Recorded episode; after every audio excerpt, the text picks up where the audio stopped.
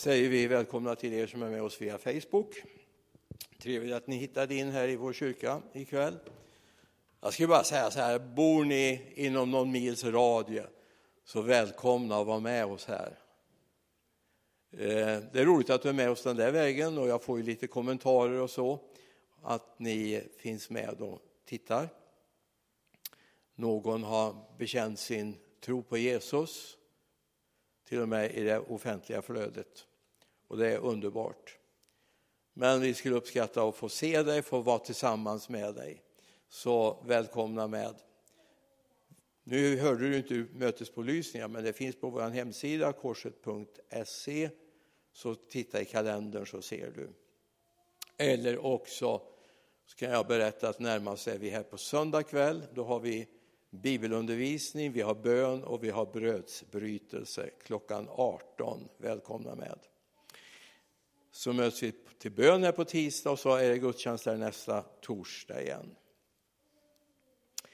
Det går inte att komma ifrån att vi lever i adventstid. Det gör inte det. Det är någonting som händer. Och jag känner bara att yes, Alltså för mig är det här med advent, det är, det är stort. Inte själva den här helgen som inte faktiskt, det finns inte en, en bokstav i Bibeln där det står advent. Men tanken finns på ett antal ställen. Men jag vill börja med att läsa ifrån första Thessalonikerbrevets fjärde kapitel, vers 15 och några verser framöver. Och Paulus tar verkligen i. Han säger så här, vi säger er detta enligt ett ord från Herren. Vi som lever och är kvar till Herrens ankomst ska alls inte komma före de insomnade. När en befallning ljuder, en ärkeängels röst och en Guds basun, då ska Herren själv komma ner från himlen och de som har dött i Kristus ska uppstå först. Därefter ska vi som lever kvar ryckas upp bland skyar tillsammans med dem för att möta Herren i rymden. Och så ska vi alltid vara hos Herren. Och så tycker jag om vers 18. Trösta nu varandra med dessa ord. Så nu tröstar jag er med att det finns en framtid och hopp. Det finns en ny tid och vi ska få vara med i den festen jag bara slog mig häromdagen att vi, vi har ju tre stora helger som vi firar saker som har hänt.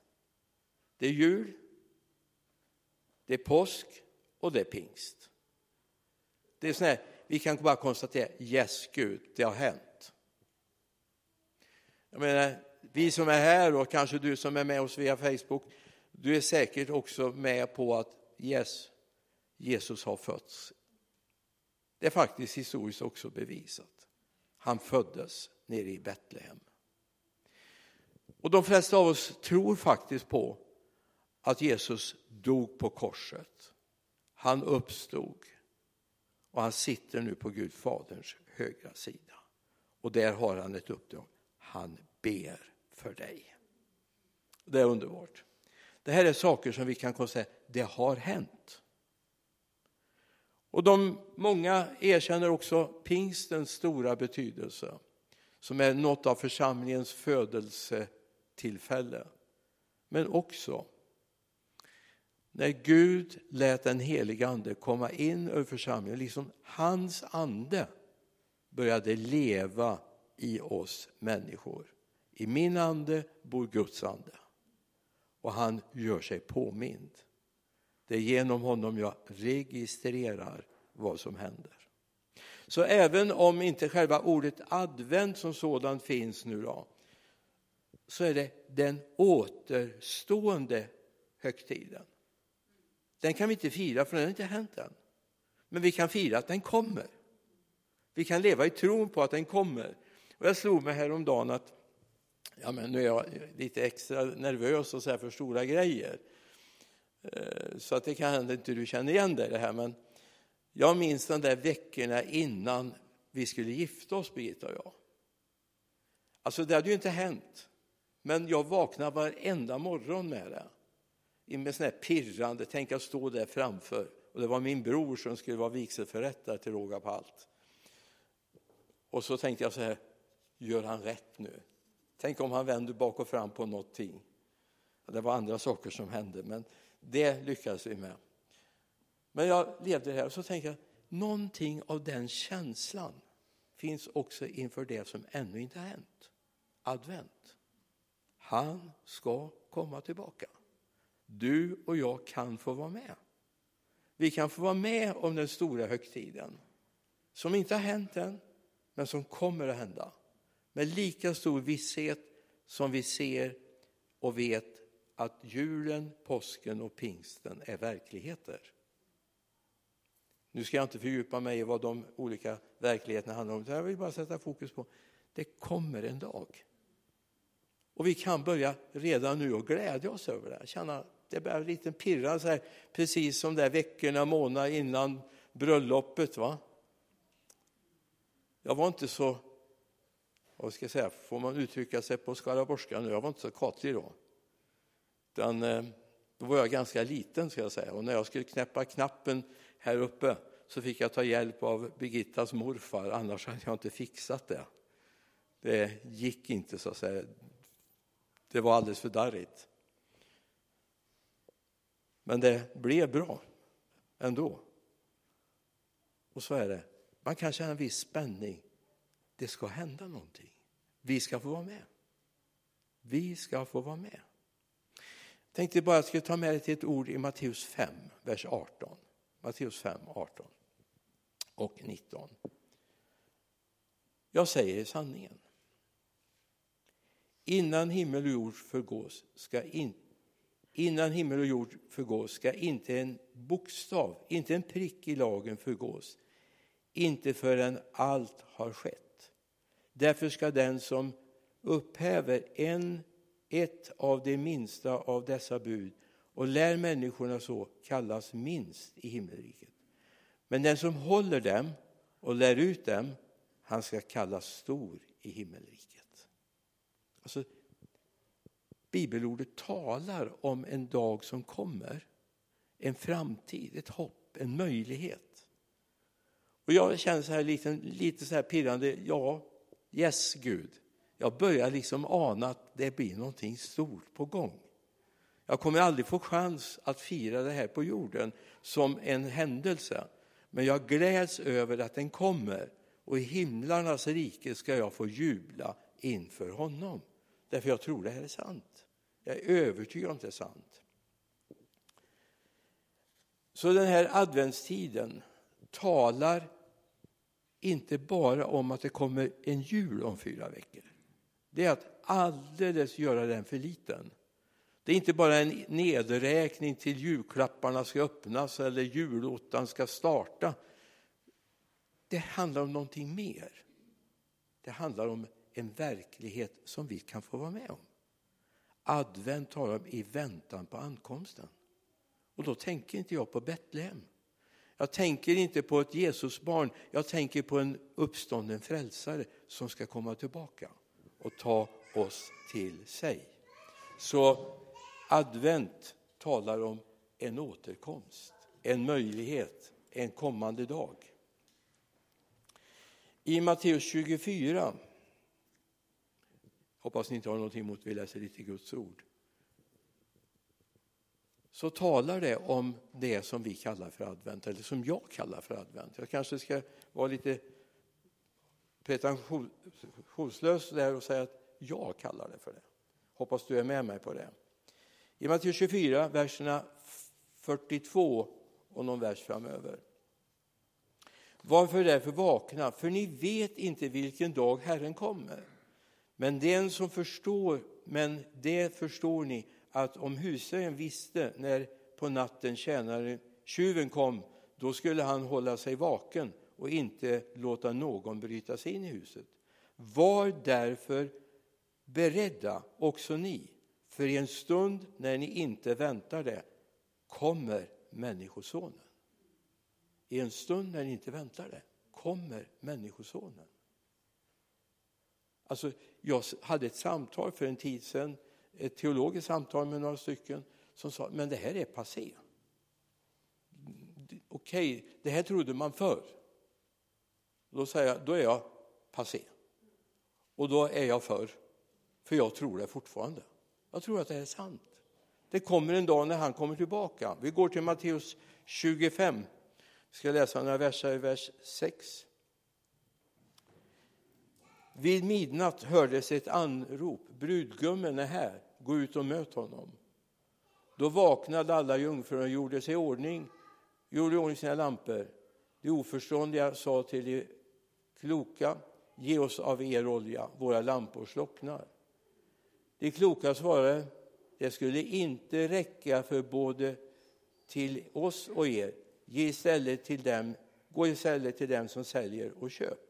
Så kliver vi över några versar, vers 10 och 9, 11 eh, och så vers 12.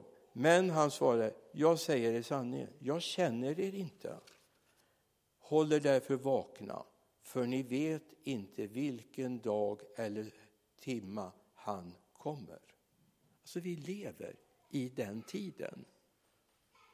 Alltså jag tänkte så här, alltså när jag var ung och, och ja, kanske inte hade så trygg tro, det kan jag nog inte påstå jag hade då, men jag tänkte så här att det står ju att i en stund när vi inte väntar det, vilket jag bestämde mig för att jag alltid skulle vänta det, för då tänkte jag då kan han inte komma. Logiken är ju ganska bristfällig, men det var min form av logik någonstans i det här. I Filipperbrevets 3.20 så skriver Paulus här, medan vi har vårt med, men vi har vårt medborgarskap i himlen och därifrån väntar vi Herren Jesus Kristus som frälsare. Han ska förvandla vår bräckliga kropp och göra den lik hans härlighetskropp. För han har makt att lägga allt under sig. Men vi har vårt medborgarskap i himlen. Och jag vet vad medborgarskap betyder. Jag har jobbat mycket med flyktingfrågor.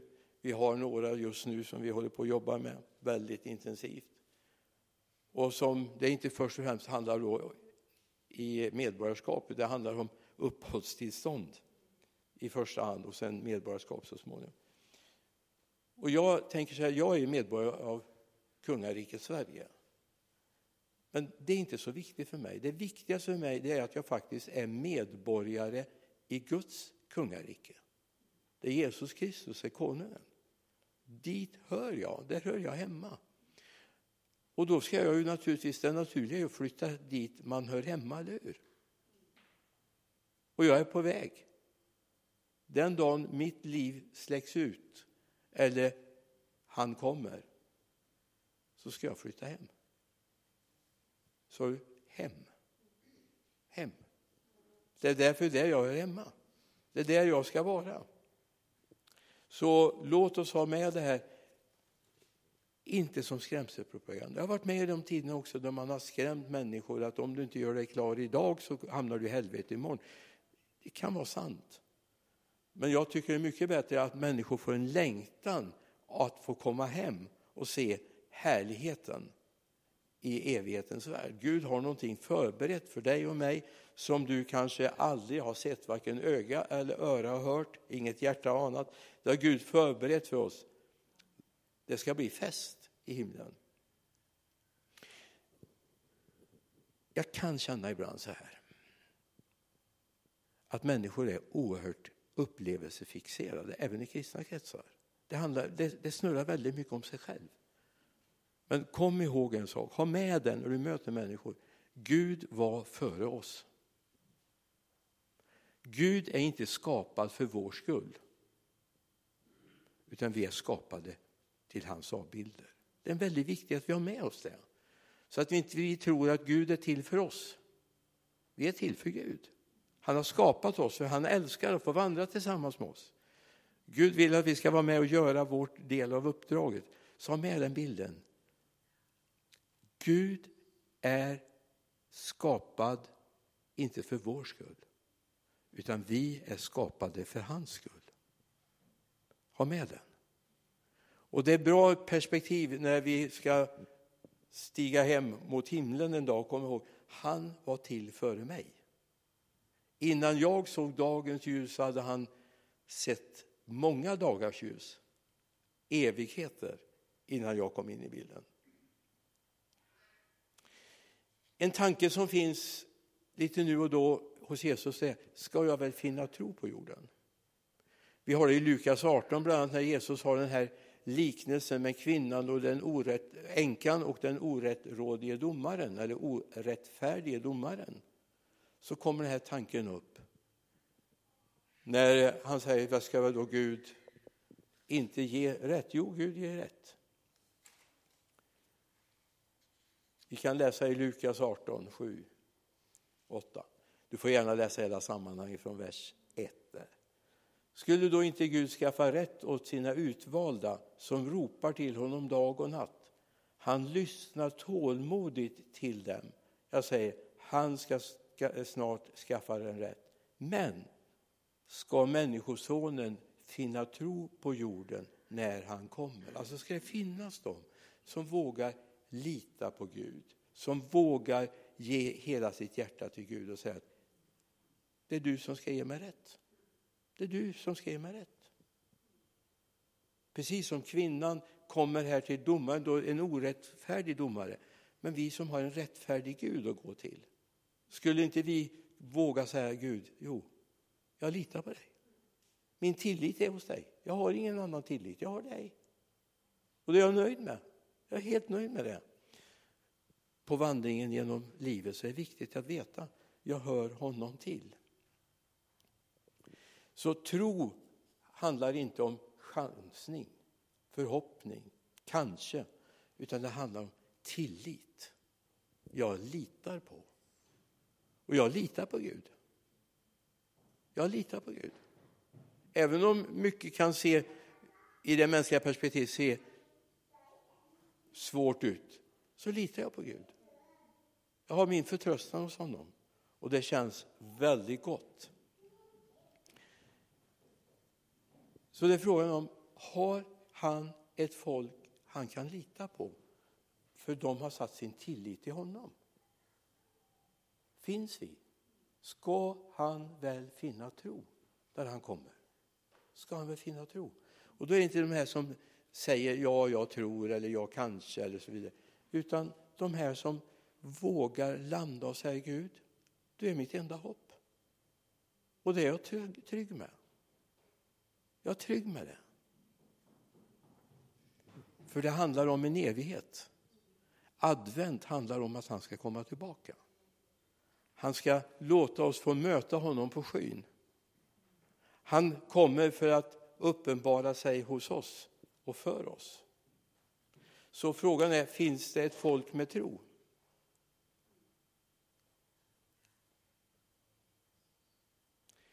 I Matteus 24 vers 42 står det, jag skulle behöva läsa hela sammanhanget, men jag litar på att du är bibelläsare så att du går hem och läser. va?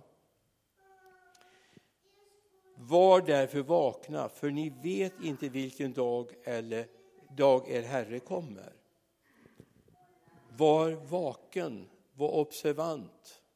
Du vill väl inte missa festen, du vill väl inte missa... Det går bara ett tåg till himlen. Det går bara ett tåg till himlen. Det går inte att gå och köpa sen, när brudgummen har kommit, läser vi i Matteus 25. Va? Utan han kom, dörren stängdes igen. Men de som var beredda fick gå med in i bröllopsfesten. Var därför vakna, för ni vet inte vilken dag eller er Herre kommer. Och det vet vi inte. Men vi gläder oss över att vi vet att vi är med. Och då tänker en del, ja men Finns det någon måttstock som jag ska klara av för att få komma hem till himlen? Ja, min bibel säger inte att det finns en måttstock, det är bara att vi ska lita på honom. Det är honom det handlar om. Det är hans frälsning det handlar om. Det är inte hur duktig du har varit, hur du har kunnat anstränga dig och, och göra allting rätt, att du har läst 50 kapitel i Bibeln varje dag och så vidare. Det är frågan bara, har du satt din tillit till honom? Är det honom det handlar om? Eller? Är det vännerna eller ditt eget liv det handlar om? Nej, det handlar om om vi har satt vår tillit till honom. Ska jag väl finna tro på jorden när jag kommer? Och jag skulle önska att det skulle bli ett, ett brett rungande ja ifrån Lidköping. Vi har satt vår tillit till honom. Vi litar på honom. Vi lever med honom varje dag. I Johannes 17, det här, det här är en älsklingsvers. Jag brukar inte uttrycka mig så, men det här är en älsklingsvers. Johannes 17, 24. Det är som vi kallar för Jesu översteprästliga förbön. Det här säger mig någonting. Det här säger mig någonting. Jag menar, att du och jag vill till himlen, det hoppas jag du vill. Jag, jag går ut ifrån att du vill det, du vill komma till himlen. Men då ska du se någonting här. Far, det är Jesus som ber. Far, jag vill att där jag är, det ska också det som du har gett mig vara med mig. Låt den få se härligheten som du har gett mig. För jag har älskat mig före världens skapelse. Far, jag vill att där jag är ska också det som du har gett mig vara med mig. Jag kan bara hänvisa till du som skriver, skriv in också Johannes 6.44. Jag ska inte kommentera det nu, ta med det. Alltså, han vill att du är med honom. Det var inte bara rövaren på korset som får höra idag ska du vara med mig i paradiset. Han har sagt det om dig också. Jag vill att de du har gett mig ska vara med mig i din värld, Gud Fader. Jag vill att de ska få se den härlighet som du har gett mig före världens skapelse. Jag vill det. Han tänkte på oss. Han tänkte på oss. Alltså egentligen skulle vi kunna ge en applåd. Det här är så fantastiskt. Han har tänkt på oss. Vi är på väg. Vi vill fira advent. Vi ska vara med och den ska vi fira. Inte i tre dagar, inte i fem veckor, utan i evigheternas evigheter. Ska vi fira tiden då vi ska få vara med honom. Du vet, de första tusen åren kommer vi bara sitta och vara fascinerade. Jag är hemma. Och sen går det tusen år till och vi lovsjunger och prisar honom innan vi har tid att börja fundera på vad de andra här också. Jag tror vi kommer, jag tänker på den här sången som man sjöng förr. Jag önskar att se Jesus först av allt. Det är precis det jag önskar. Det var den första skivan jag köpte förresten, en stenkaka med Tistedalens baptistmenighetskör som sjöng. Så jag hoppas du är med på resan hem till himlen. Paulus säger någonting. Vi kan ta det i eh, Andra Timoteus 2 och 4. Med tanke på att vi är på väg. Då säger Paulus här, ingen soldat trasslar in sig i civila angelägenheter. Han vill stå i tjänst för den som har värvat honom. Man trasslar inte in sig i civila angelägenheter, därför vi står stå i tjänst. Vi gör inte sånt som tar bort fokus från honom, utan vi vill leva tillsammans med honom. Ska vi be? Jesus, jag tackar dig för att vi får vara fokuserade på ett advent. Vi gläds över dig idag. Vi fröjdar oss över dig Jesus. Men Herre, vi har inte sett det än. Och vi bara önskar Herre att vi verkligen ska få vara med den dagen du kommer. Kom och fröjda våra hjärtan över dig idag, att vi är på väg tillsammans med dig. Vi ber om detta i Jesu namn. Amen. Amen.